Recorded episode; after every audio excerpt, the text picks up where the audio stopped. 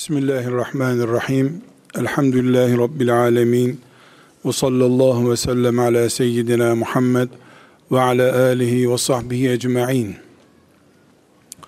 Aziz kardeşlerim, en sonunda söylemek isteyeceğim sözü en başta söyleyerek ifademe başlayayım. Mümin ev, mümin devlet demektir. Mümin ev, mümin dünya demektir. Nokta, en son cümleyi kuruyorum, zor oluyor. Mümin ev olmadıkça mümin devlet yok demektir. Mümin ev gerçekleşmedikçe mümin dünya yok demektir. Böylece toplantım bitmiştir. Bu kadar net ve bu kadar keskin ifadeleri elbette bir mümin olarak kendi kendime hükmedip ortaya koyma hakkım yoktur. Ama Kur'an'ıma Peygamber aleyhisselam efendimin sünnetine döndüğümde bakıyorum ki Darul Erkam'da bir evde başlamış dine iman ettik biz. Kabe'si yoktu, Erkam'ın evi vardı. Yesrib'i yoktu, Hadice'si vardı. Evden kurulmuş bir devleti şimdi biz devletten ev düzeltecek formüle çeviremeyiz. Bu işin tabiatına aykırı olur. İslam diye bir derdimiz Allah'ın rızasını kazanmak diye bir hedefimiz yüzde yüz evlerde mümkündür. Evler yüzde yüz mümin olur. Hiçbir devlet yüzde yüz İslam olamaz. Çünkü İslam zimmileriyle beraber devlet kurar. Yani iman etmeyenleriyle beraber devlet kurar. İstanbul'u Fatih fethetti ama patrikhanesini kapatmadı. Sadece Topkapı Sarayı'nı mümin ev olarak inşa edebildi. İnsanların kitle olarak yaşadıkları yerde imanı yüzde yüz kitlenin imanı haline getiremeyiz. Evlerimiz yüzde yüz potansiyel olarak bizimdir. Kapısını içeriden kitleyebildiğimiz bir yere hükmetmemiz mümkündür. Hiçbir devletin kapısı içeriden kitlenemez. Herkese açık bir yerdir çünkü kamusaldır kamusal alanların imana çağrılması nihayetinde açık alanların kış şartından kurtarılması gibi bir mücadeledir. Nisbi ılıklık, nisbi serinlik sağlanabilir.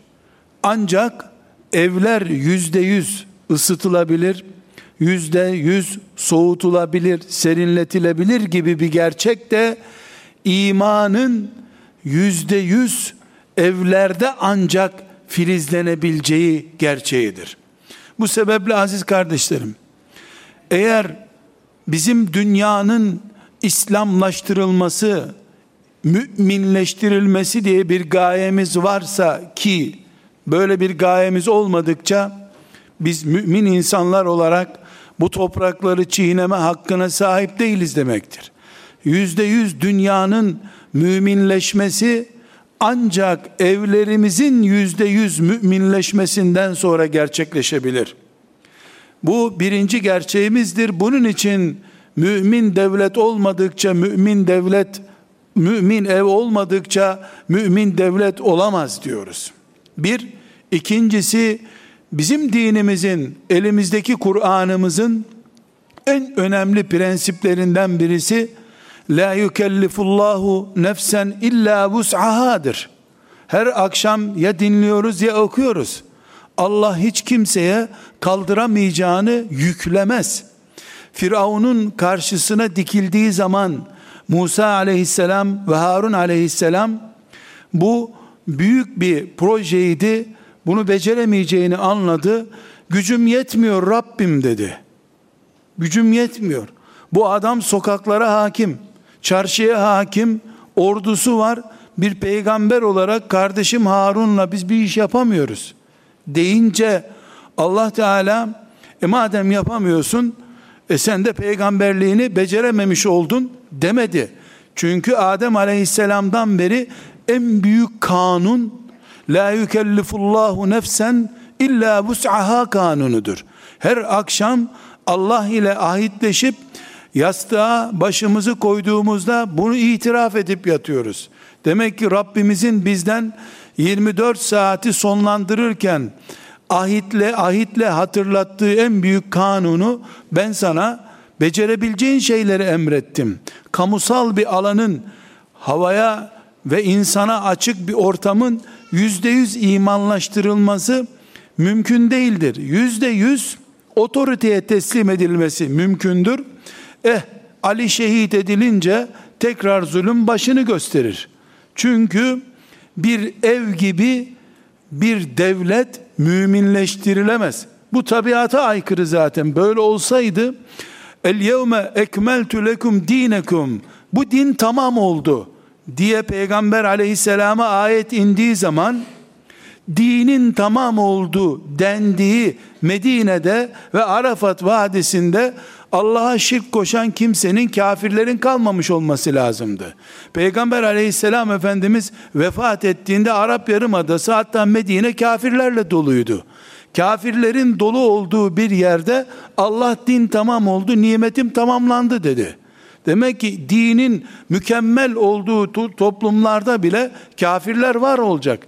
Dolayısıyla müminleştirme takatımızla, becerimizle sınırlı bir iş ise eğer ki Allah bunu ancak e, sınırlı yapabileceğimiz işleri, takatimizle ilgili işleri bize yükleyeceğini söylüyor. O zaman biz gerçekçi olmak zorundayız.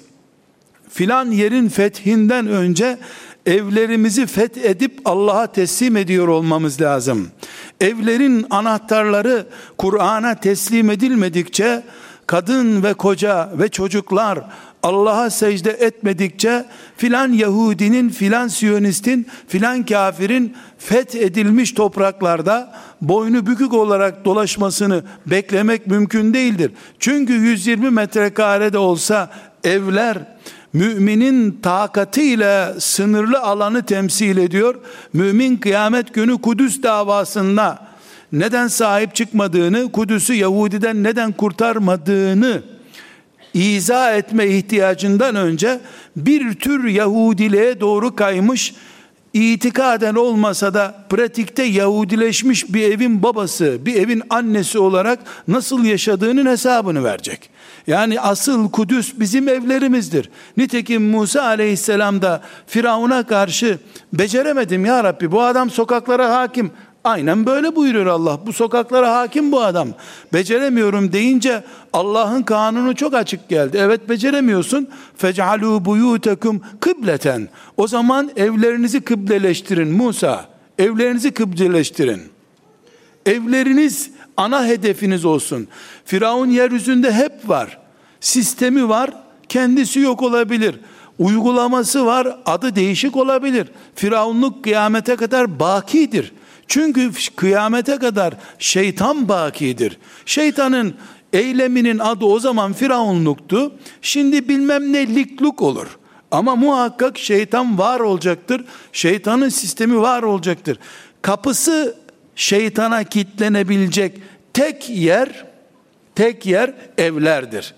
Bunun için Peygamber aleyhisselam efendimizin göklerden ikaz aldığı en önemli 3-5 olaydan bir tanesi evindeki huzursuzluğu mes mescidine yansıttığı gündür.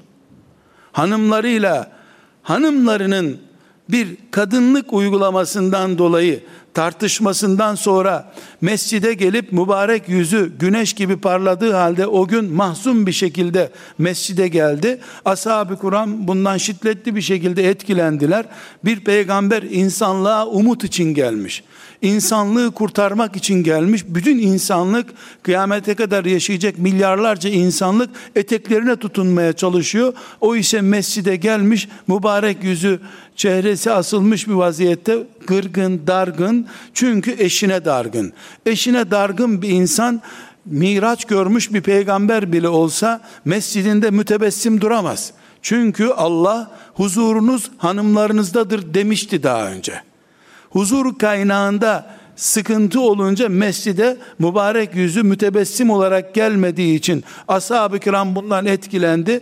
Lime tuharrimu ma ahallallahu lek tebtegi mardate ezvacik diye ayet indi. Peygamber de olsan önce evin müminleşmesi gerekiyor. Allah önce evlerde aranır. Evlerde ibadet edilir Allah olduğu anlaşılınca insanlar topluca camilere gider, ibadetlerini yaparlar. Camiler müminlerin toplandığı yerlerdir. İnsanların müminleştirildiği yerler değildir. Kafirin camiye girmesi haram zaten. Nesiyle müminleştirilecek ki? E, İslam'ın ilk kurulduğu dönemde bir ev vardı, bir de cami vardı. Camiye kafirlerin girmesi yasak. E bu insanlar nerede müminleştirildiler? Çarşılarda veya evlerde. Ondan sonra mümin olarak mescide geldiler. Camiye cünüp olarak girmek haram. Analarının gusül abdestini öğretmediği, yürek temizliğini öğretmediği çocuklar camiye giremezler ki. Girseler cami necis olur zaten. Bu ümmetin insanlık projesi ev üzerindendir. Anneler, babalar evlerdeki yükümlülüklerini Kur'an kursundaki hocaya, İmam Hatip Lisesi derneğine veya İmam Hatip Lisesi müdürüne ya da cami imamına yaz tatilinde havale ettiği sürece Kudüs ayazda kalacaktır. Her yer Kudüs adı adayı olarak çökmeye muhtaç veya çöküntüye hazır bir kale olarak kalacaktır. Ama müminler eğer becerip 80 tane ev sağlam bırakarlarsa Allah Nuh'una gemiyi yaptırdığı zaman bu 80 ev o gemiye taşınabilecek demektir. Gemiye kimin bineceğini münafıkların da gelip yer yer namaz kılabildiği camilerden tespit edemezsiniz. Çünkü camiler herkesin kasıtlı kasıtsız, iyi niyetli, kötü niyetli, mümin, münafık herkesin girebildiği yerlerdir. Bizim hükümranlık alanımız yarın Allah'ın huzurunda becerebileceğimiz bize emanet olarak verildiğinde belli olan ilk sorumluluk alanımız kesinlikle evlerimizdir. Çünkü kıyamet günü bir mümin hesap vermek üzere gidecek. Kudüs benim doğumumdan tam 60 sene önce İngilizlerin eline geçmiş. 100 sene olmuş Kudüs İngilizlerin elinde esir. Ben bunun hesabını nasıl vereyim ki? Ben mahallemdeki mescide zaten patrondan izin alarak bile gidemiyorum hala. Ben mahallemdeki mescide namaz, namaza gidemiyorum. Mahallemden 3000 kilometre ötedeki Mescid-i Aksa'nın hesabı niye benden sorulacak? Mescid-i Aksa'ya gidene kadar benim hesap defterim kapanacak zaten. Hesap, kitap bitmiş olacak. Ama her akşam girip içeriden anahtarını kapattığım evim yarın Allah'ın bana kıblegah yapıp yapmadığımın hesabını soracağı birinci hesap noktamdır. Mahallemdeki cami imamdan soracak. Veya o caminin mütevelli heyetinden soracak. Bütün Müslümanlar mahalledeki caminin tuvaletinin temiz olup olmadığından hesap vermeyecekler herhalde. Camiler bir kişiye teslim edilir de öyle idare edilir zaten. Herkes camiden sorumlu olsa alimallah camiyi Müslümanlar yıkarlar ben bundan sorumluyum diye. 40 idareci olmaz bir yerde. Bir idareci olur. Ama müminler kendi evlerini cami statüsü haline getirip getirmediklerinden yüzde yüz Allah'ın huzurunda sorumlu olacaklar. İslam konuşuyoruz. İslam konuşuyoruz. Dini tuğlaların ve diğer çatının temsil ettiği kiliseye yıkmış Hristiyanlıktan veya benzeri bir anlayışla dini sadece havralara teslim etmiş olan Yahudilikten konuşmuyoruz. Güneşin aydınlattığı her yerde Allah var, din var, Kur'an var diyen İslam'ı konuşuyoruz. Bu sebeple bu sebeple evliliği cihatların cihadı görüyoruz. Bu sebeple mücahide kadınlar bu ümmetin mücahideleri olarak kurtarıcılarıdır diyoruz. Kadınları mücahide olmadan asıl kadınlık hilkatını ortaya koyup ispat edemeden bizim Filistinli mücahitleri mücahit olarak ilan etmemiz filan yerdeki küfür tuğyanına zulmüne karşı gençlerin gidip bomba patlatmalarını cihat diye isimlendirilemeyiz. İsimlendirmek için yanlış bir yöntem seçmiş oluruz. Bu ümmet evlerinde Allah'ın rızasını kazandıkları bir hayat oluşturduğu zaman bu ümmet evlerini Allah'a teslim edebildiği zaman bu demektir ki evlerin birikimi mahallelerimize, şehirlerimize yansıyacak. Kendiliğinden ülkelerimiz, yaşadığımız topraklarımız müminleşecek. Bir ev çatısından yapılmaya başlanabilirse eğer önce çatısını yapıyorsun sonra altıncı katı sonra beşinci katı en sonunda bodrumunu yapıyorsun böylece ev oluyor böyle bir şey tabiatta mümkünse eğer o zaman da İslam devletle başlanıp devletten sonra şehirlere, şehirlerden sonra kasabalara, kasabalardan sonra mahallelere, mahallelerden sonra da evlere gelsin deriz. Hayır, bu işin tabiatına aykırıdır. Devlet insan demektir. İnsan da evinin mahkumudur. Herkes evinin çocuğudur. Devletin çocuğu değildir kimse. Şehirlerin çocuğu değildir kimse. Bu sebeple bu asırda bizim öncelikle yapabileceğimiz ve yapmamız gereken şeyler listesinde bulunduğu için yapabileceğimiz en büyük şey olan evlerimizin iman ettirilmesi meselesidir. Evlerimizin iman edip etmediğinin birinci işareti de evliliğimizi cihat olarak görüp görmediğimiz. Hala iş bulamadığı için, okulu bitiremediği için, babasının taksitleri bitmediği için, henüz emekli parasını almadığı için gençler e, fuhuşun önünde tuzak fuhuşun önünde bekletilebiliyorsa bu Kudüs davası gibi hemen temizlenmesi gereken bir ar olarak görünmüyorsa evlilik cihat kabul edilmiyor demektir. Evliliğin doğal bir gençlik ihtiyacı gibi görüldüğü bir dünyada hani turizm hareketi gibi kabul edildiği bir dünyada biz henüz evlerin iman ettirilmesi diye bir kavram anlayamadık demektir. İkinci olarak da eğer eşler belediyeden aldıkları evlilik cüzdanından dolayı evin doğal ortakları olarak kendilerini görüp sen yemek yapacaksın ben de şu işleri halledeceğim. Senin annene bu ay gidilecek bir dahaki ay benim anneme gidilecek? Senin abin gelirse üç gün kalırsa benim de abim üç gün kalacak. diye hala ev Avrupa kafası, batılı, liberal, kapitalist ve menfaate düşkün insanlar mantığıyla bir evde yaşıyorsak biz, eğer eş, kadın veya erkek eşine karşı yaptığı iyi tavırların, fedakarlıkların, yatak odası iyiliklerinin, mutfak hizmetlerinin karşılığını kocasından bekliyorsa, Allah'ın adına nikah kıyıyor ama bedelini kocasından bekliyor. Allah'ın emaneti olarak aldım diyor ama karşılığını eşinden, hanımından bekliyorsa eğer bizim evlerimiz henüz iman etmemiş demektir. İman etmeye aday evlerde yaşıyoruz demektir. Kapıda girerken büyük bir Kabe resmi olmuş olması, ondan sonra ayetlerin Esma Hüsna'nın oturma odasında yazıyor olması veyahut da işte Hacerül Esvet resminin mutfağa girerken bulunmuş olması, işte mutfakta büyük bir işlemeyle hanımların el oya işlemeleriyle elhamdülillah diye besmele diye bir şeyin yazmış olması evimizin Müslüman olduğunu göstermiyor. Londra'da herhangi bir müzede de bunlar bulunabiliyor. Çok güzel Osmanlı hatları Viyana'da müzelerde var. Yani bunlar Viyana'nın İslam toprağı olduğunu göstermiyor. Levha duvarda asılı bir şey. Yürekte asılı ve yüreğe etki eden besmeleler, el, elhamdülillah, Allahu Ekber lafızlarının bir anlamı var. Evlerimizin iman ettiğinin ikinci işareti, mümin evlerde oturduğumuzun ikinci işareti de eşlerin yaptıkları fedakarlıkların karşılığını Allah'tan istemeye hazır olmalarıdır.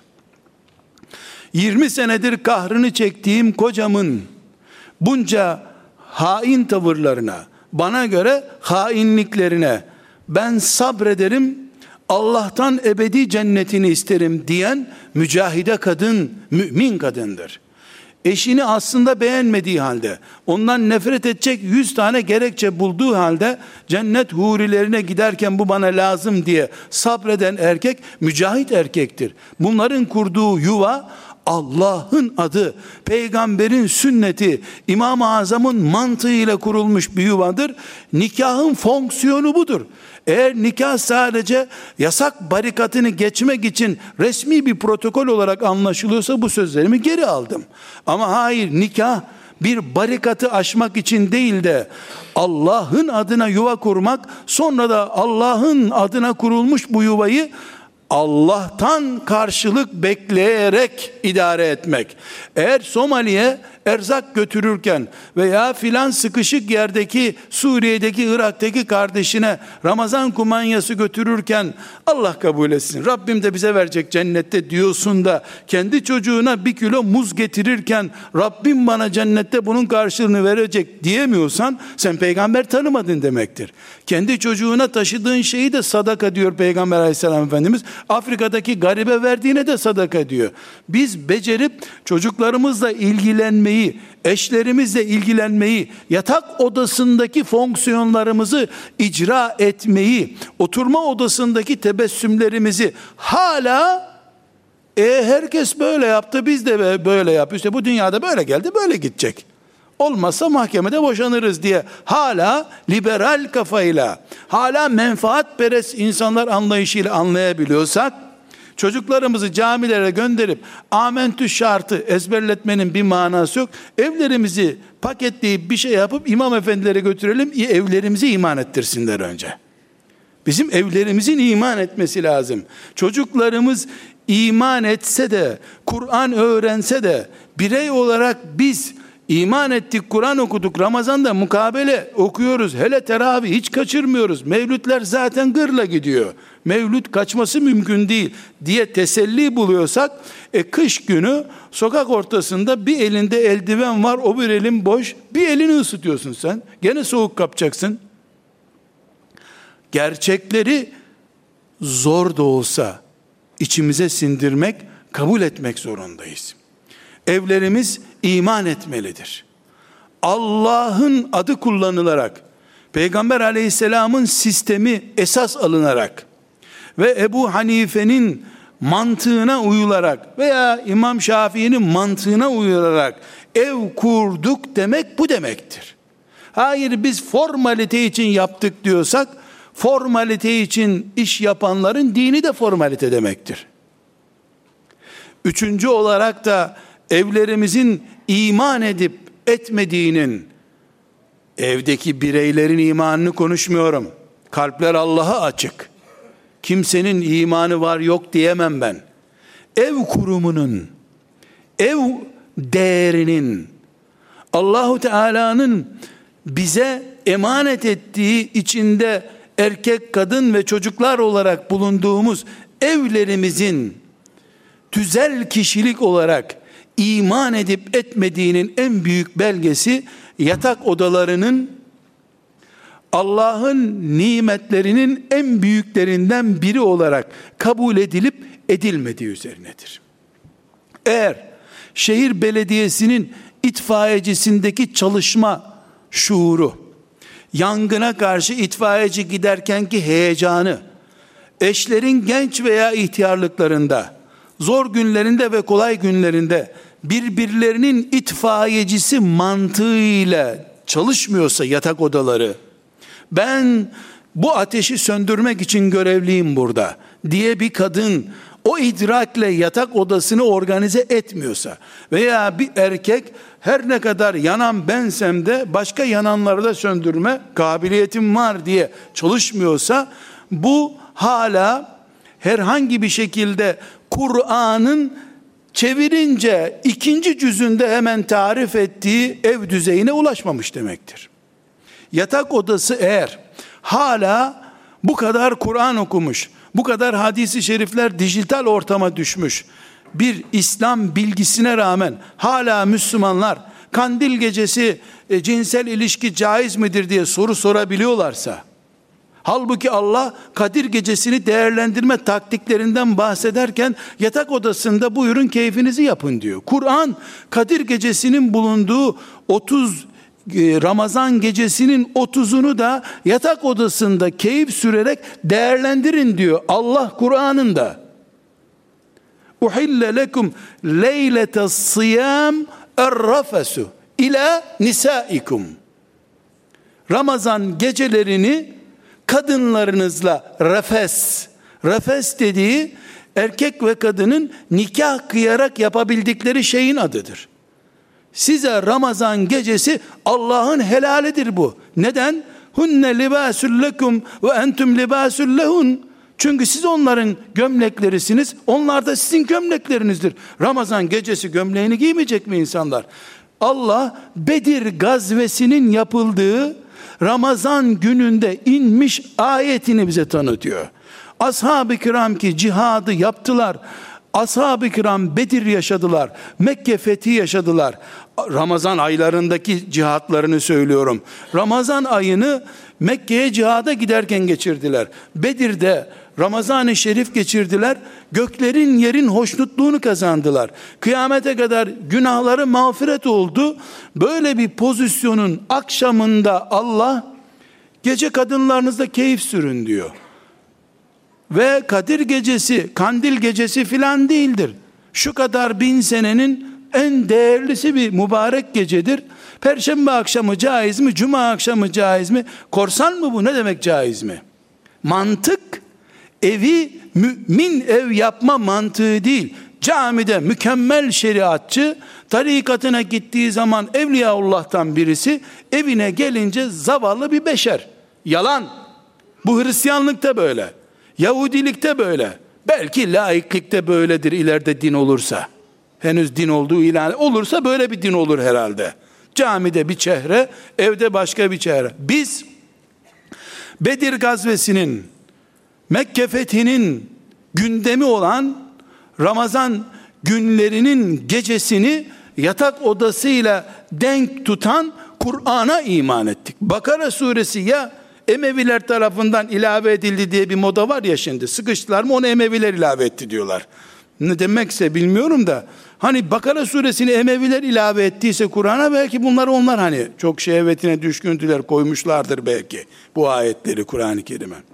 Aziz kardeşlerim, bu ayetten önce çok daha enteresanı Allah sana kullarım beni sorarlarsa nerede Rabbimiz?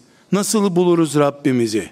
Sorarlarsa ve izâ se'eleke ibâdî anni onlara de ki ben çok yakınım onlara. Dua ederlerse dualarını cevaplandırırım. Bana dua etsinler. Uhille lekum leylete siyami rafethu ila nisaikum. Size Ramazan gecelerinizde eşlerinizle zevk sürmenizi helal ettim. Bu gündemle bu gündemin ne alakası var? Kur'an'ı bu şekilde kim dizdi? Demek ki bizim hayatımızda Allah mefhumu ne kadar yükseklerde duruyorsa yatak odasıyla, oturma odasıyla, banyosuyla, tuvaletiyle, evlerimiz de o listenin içindedir. Çünkü peygamber de olsan fonksiyonel çalışmayan bir evden ashabına huzur veren bir adam olarak çıkamazsın. Çıkamadığın için işte Tahrim suresi iner. Bu sebeple evlerimizin müminleştirilmesi dış boyalarının yeşil, iç boyalarının da kabri Ravza-i renginden bir yeşil olması anlamına değildir. Mümin ev e, etrafı yeşil hurma ağaçlarıyla çevrelenmiş ev demek değildir.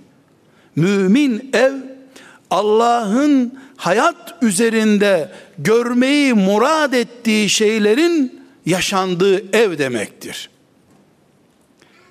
Kur'an Allah'ı arayanlara, soranlara dua edin, Ramazan gecelerinde hayatınızı değerlendirin diyor.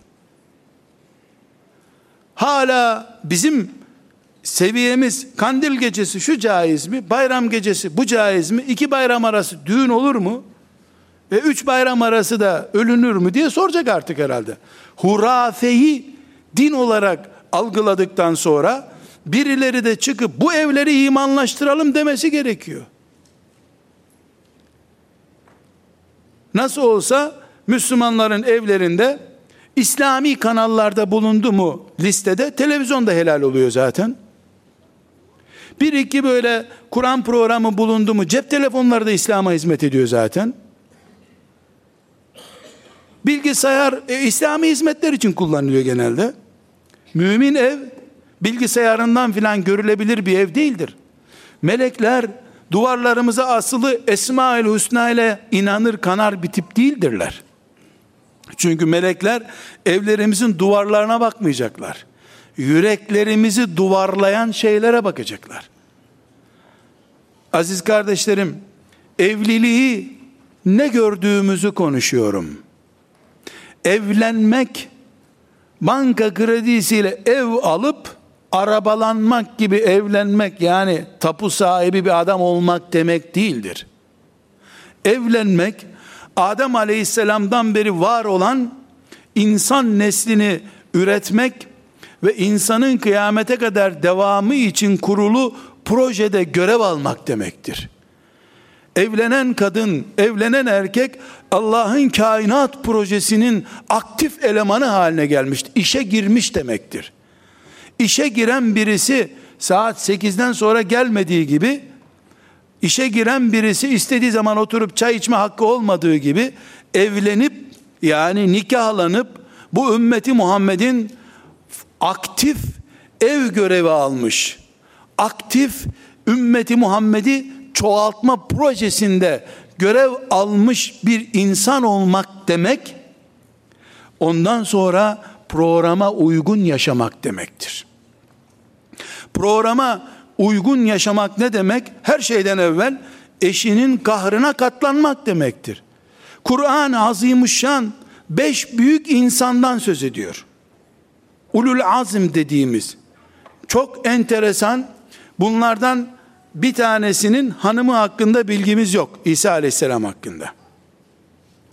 Öbürü Peygamber aleyhisselam efendimiz hanımlarıyla yaşadığı sıkıntılar dillere destan. Ayetler var ortada. E diğer Musa aleyhisselamın evlenme sürecine bakalım. 8 sene oturup evde hizmetçilik yapmış bir hanımım olsun diye. 8 sene kölelik karşılığında kölelik gibi bir hizmetçilik karşılığında bir kontrat imzalamış. 8 sene bu evde çalışacağım de ödediği mehre bak. Öbür büyüğe bak. Nuh Aleyhisselam'a bak. Beş büyük insan yani Allah'ın yarattığı belki yüz milyar insanın ilk beşinde Nuh Aleyhisselam. Üstelik de bu ilk beşin üçüncüsü.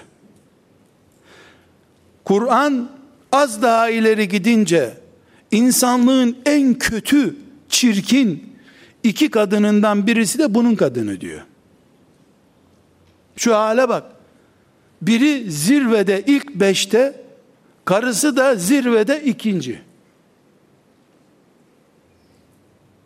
E Kur'an bu sentezi niye yapıyor? 950 sene sonra bu mücadeleden diyelim 60 yaşında evlenmişti. Hadi 920 sene olsun. Boşanmış bir Nuh değildi bu. Karısı yanındaydı hala. Peygamber aleyhisselam efendimize dede olma şerefiyle şereflenen İbrahim aleyhisselamın eşlerinden çektiği e, ayetle sabit, hadislerle sabit. Ama Allah için namaz kılmak gibi kadın veya erkek eşin kahrına katlanmak diye bir şey var. Onun için bu kahra katlandılar. Boşayabilirlerdi. Uzak kalabilirlerdi. Elini açıp ya Rabbi bu beladan kurtar da kullarına imanı anlatayım diyebilirlerdi. Gözlerinden belki kan aktı yaş olarak ama Allah'ın aile imtihanı olarak önlerine koyduğu şeyden kaçmadılar. Peygamber de kaçmadı. Öyle cennet hurisi gibi hanımları da yoktu üstelik. Bir Hadice'si vardı. Zaten çoğu da peygamberlik döneminde olmayan günlerinde onunla eş olarak yaşadı. Hepinizin bildiği gibi meclisinde ayağa kalktı. Nedir bu kadınları hep şikayet ettiriyorsunuz bana buyurdu. Niye şikayet ettiriyorsunuz? Bakın kıyamet günü benim yanımda olmak isteyen, bu cümle çok önemli. Benim yanımda, benimle beraber olmak isteyen hanımlarına el kaldırmasın. Çünkü ben el kaldırmıyorum dedi. Demek kaldırılacak iş yapıyorlarmış aslında. Dua edin sizinkiler de benimkiler gibi huri olmasın demiyor. Evlerinde yaşadıkları maceralar gayet sahih hadis-i şeriflerde var arkadaşlar. Ama bu kainatta sabah namazına kalkmak bir imtihan olduğu gibi sabaha kadar erkek veya kadın eşin dırdırını dinlemek, ağız kokusunu koklanmak da bir imtihandır. Dünyayı imtihansız beklemek gibi bir şeydir keyfine göre eş beklemek. Mümin ev Allah'ın hatırının geçerli olduğu evdir. Bu hatır uğruna da bin bir sıkıntıya katlanıp sonra o uyuyunca seccadenin başına geçip Rabbim ben bunlara senin için katlanıyorum.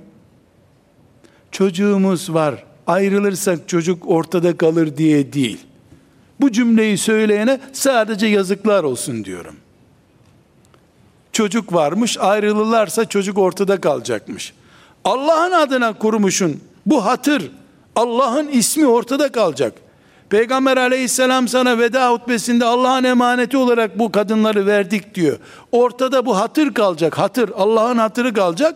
Bunu takmıyor da çocuklara çok üzülüyormuş. Ne merhametli çocuk maşallah ya.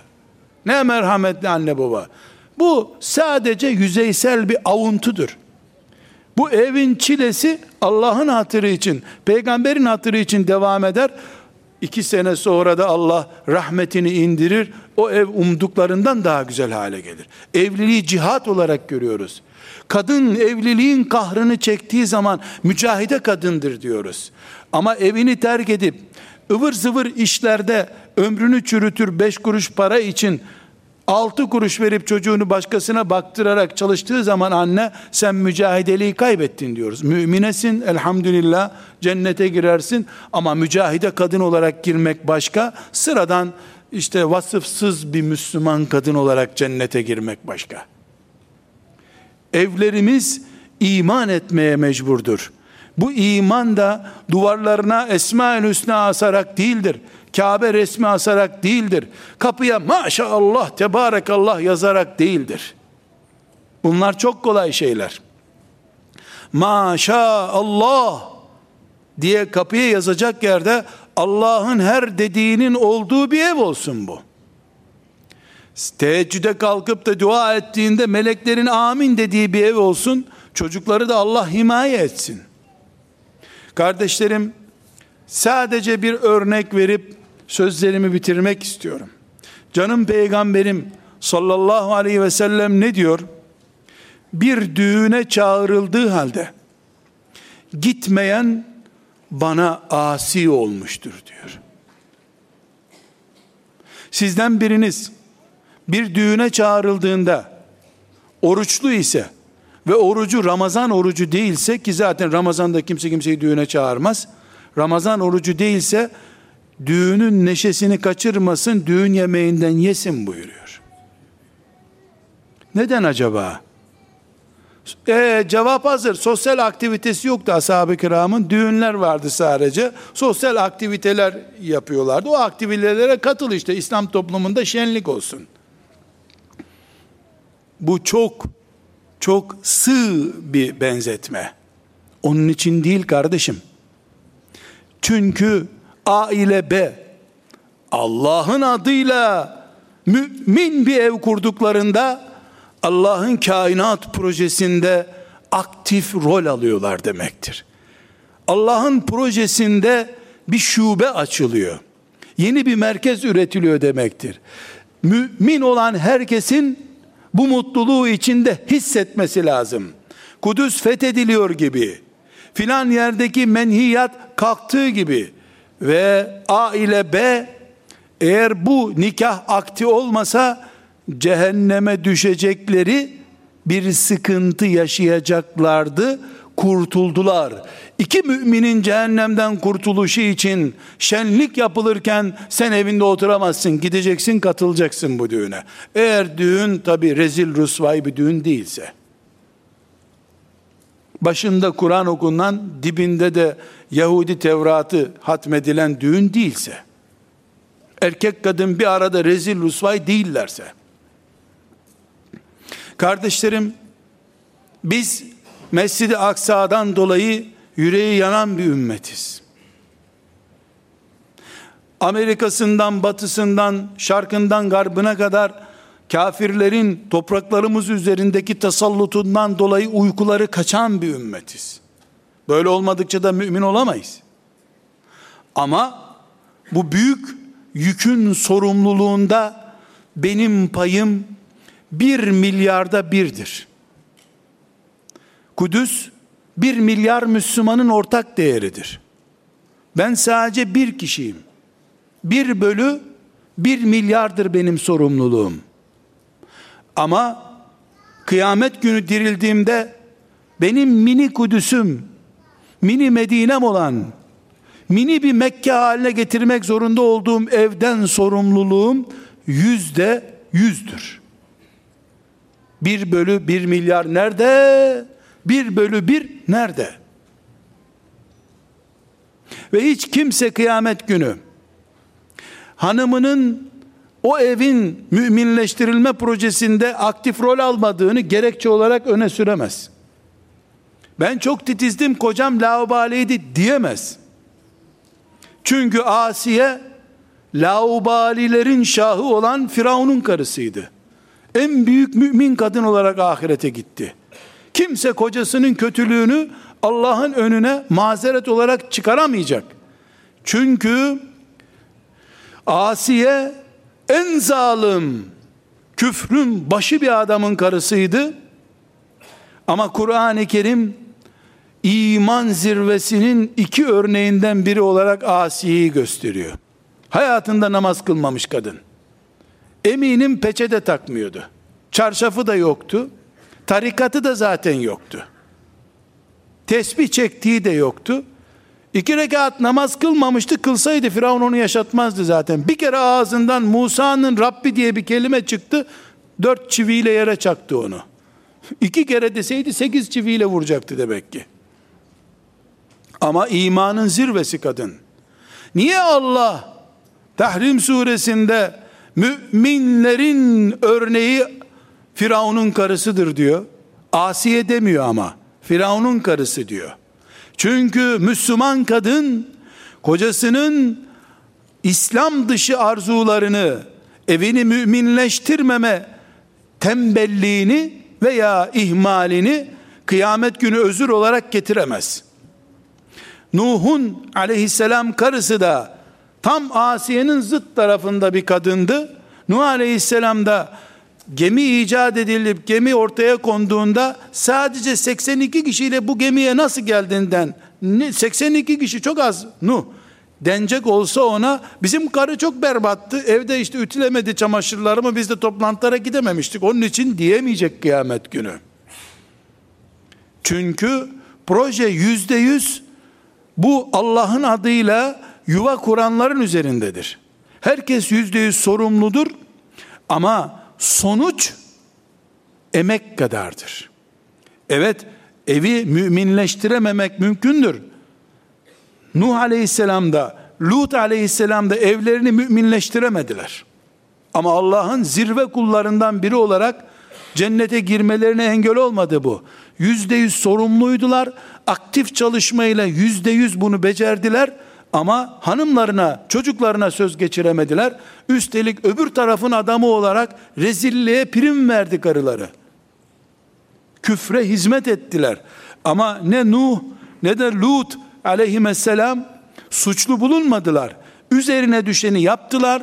Projedeki görevlerinde ihmalkar davranmadılar. Müminleştirme, evlerimizi müminleştirme projemizi birbirimize yıkamayız. Kadın erkeğe, erkek kadına yıkamaz. Erkeğin eksikliğini de tamamlar kadın, kadının eksikliğini de erkek tamamlar. Böylece yeryüzünde Allah'ın üzerimize yıktığı sorumluluklardan sorumluluğumuzun yüzde yüz üzerimizde olduğu evimizi ihya ederek, iman ettirerek Rabbimize kavuşuruz. Aksi takdirde Mescid-i Aksa'ya gitmeye fırsat bulamayız. Yani Mescid-i Aksa dosyasına gitmeden bizim işimiz biter. Maazallah. Bu nedenle kardeşlerim, evliliğin yaşı, mesleği olmaz, vakti olur. Haram burnunu gösterdiğinde evlilik farz olmuş demektir. Allah'ın onlardan razıyım dediği, tamam be, Müslümanlık bu işte diye Kur'an söylüyor. Radıyallahu anhum ve radu an. Tamam ya bunlar Müslüman dediği adamlar. Kur'an onlara adam ifadesini adam adam bildiğimiz adamlar Tebuk gibi Tevbe suresinin neredeyse yarısını dolduran büyük cihat hareketinde Resulullah'a geldiler. Ya Resulallah çatlayacağız. Müsaade et organlarımızı keselim, cinsel organlarımızı rahatlayamıyoruz dediler. İstanbul sokakları kadar kötü yerlere mi gidiyorlardı? Medine'den Suriye sınırında çöl, 800 metre çöl kat ettiler. Çöl kumları mı şehvetlerini kudurttu bunların? Allah'ın en seçkin kulları, en seçkin Kur'an'ın övdüğü insanlar. İsrailoğullarının peygamberi gibi diyorlar da yani o çok ne kadar yerinde oturacak bilmiyorum. Ya Peygamber Aleyhisselam Efendimizin bağrına bastığı adamlar bunlar. Çöl yürüyüşünde 50 bin kişilik ordular, başlarında peygamber var, karınları aç, başlarında tencere kaynatır gibi güneş kaynatıyor kafalarını. Peygamberin huzuruna geliyorlar, çatladık ya Resulallah, şehvet bastırdı bizi diyorlar yüzde sekseni kız olan bir anfide her biri kuaför görmüş gibi özellikle ortaya süslenerek çıkmış yüzde sekseni bayanın ortasında kendisi de barut fıçısı gibi bir delikanlı elhamdülillah hiçbir tehlike olmadan dört yıl gidip geliyor. Kim kimi kandırıyor bu dünyada? Elbette, elbette ashab-ı kiramın Allah korkusuyla, cehenneme gireriz endişesiyle ilgili mesafemiz artık fersah fersah büyüyünce diploma uğruna feda edemeyeceğimiz bir şey kalmadı. Evlilik vakti geldiğinde Kudüs'te nöbet bekleyen mücahidin cihadı kadar değerlidir. Çünkü bu ümmet namus ümmetidir. Namusu zedelenmiş ilahiyat talebesinin din adamı olarak başımızda bulunduğu günleri Allah bize göstermesin. Ama namus zedelenmişliğine ben hamile kalmayı affedersiniz demiyorum. Ona ölüm diyorum. Çünkü benim peygamberim namusu gözden başlatıyor. Elden başlatıyor. Kulaktan devam ediyor. Bu ümmetin kalitesi cinsel organından önce gözü bile kirlenmemiş arşın gölgesindeki genç kalitesidir. Bu kaliteyi heder edecek bütün eğitimler, çalışmalar, siyaset, sosyal aktivite neyse batıldır. Bu ümmet Müslüman genç projesini aşmıştır. O önceki ümmetlerin peygamberlerinin hedefiydi. Bu peygamber sallallahu aleyhi ve sellem ümmetinin delikanlılarını arşın gölgesine taşımak için böylece on binlerce peygamberin üstünde farklı bir peygamber olduğu gençlerinden belli olsun. 17 yaşında ordu devralan, 21 yaşında Kur'an'ı emanet alıp kıyamete kadar okunacak kitap haline getiren zeytleri bulunsun diye gayret etti. Bu ümmet namus ümmetidir. Yazıklar olsun Müslüman bir babaya. Çocuğunu evlendir dendiğinde henüz süt gibi tertemiz o diyor. Demek kirlenince, iffeti bozulunca evlenmesi gerekiyor bir çocuğun. Kirlenmeden tertemiz bunları yatak odasına koyayım demeyi düşünmüyor. Onun oğlu zaten çok mübarek. Melekler hep onu koruyor. Bir İsa'yı korudular bir de onun oğlunu koruyorlar. Onun kızını koruyorlar. Bu batıl anlayış şeytanın 20 sene sonra bizi nereye götüreceğini gösteriyor. Evet şeytan herkes bu sabah zina yapsın demiyor. Ama bir sabah herkesin rahat zina yaptığı zamana böyle gidiliyor. Vakti gelince evlilik cihattır. Bunu yapan mücahittir. Maişet derdi varmış. Neyle geçinecek diyor. Demek ki babayı Allah geçindirmiyor, kendisi geçindiriyor ki çocuğu da Allah henüz işleme koymadığı için aç kalacak çocuk. Nerede bir imanımız bizim ya? Şu esma hüsnaları niye insanlar minibüslerine, otobüslerine her yere asarlar ki? Esma-i Hüsna'yı marş gibi okumanın ne anlamı var? Rezzak olan Allah'a iman etmedikten sonra. Bu ümmet namus ümmetidir. Namus yeryüzünde var olsun diye vardır. Eğer evlerimiz müminleşmezse, biz evlerimizin müminleşmesini Kudüs'ü kurtarmak gibi göremezsek, bile bile kuyumuzu kazmış oluruz. Bugün belki biz bu tehlikeyi evimizde hissetmeyiz. Ama 20 sene sonra, 30 sene sonra, bir asır sonra bugün açtığımız açı 360 derece olduğunda ve bir daha kapatılamayacağı zaman bu açıyı o ilk gününde sıfıra en yakın noktadan başlatanlar gelecek nesillerin lanetiyle karşılaşacaklardır. Meleklere gerek kalmadan. Kim bu evlilik yaşını 20 yaşından 30 yaşına çıkardıysa diye başlayacaklardır. Çünkü 20 yaşından 30 yaşına çıktığı zaman evlilik bu ümmetin Allah diyen, secde eden, arşın gölgesine doğru koşan en az 250 milyon genci 10 sene sonra dünyaya gelecek demektir. İmam Hatip veya Kur'an kursu açmakla değil, evleri Kur'an'a açmakla, yüreklerimizi Kur'an'a teslim etmekle ancak biz nesil yetiştirebiliriz. Umuyorum gelecek nesiller bizi hayırla ancaklardır. Diliyorum Allah'tan evlerimizi müminleştirmeyi, yüreklerimizi o evlerin enerjisi yapmayı hepimize nasip eder. Velhamdülillahi Rabbil Alemin.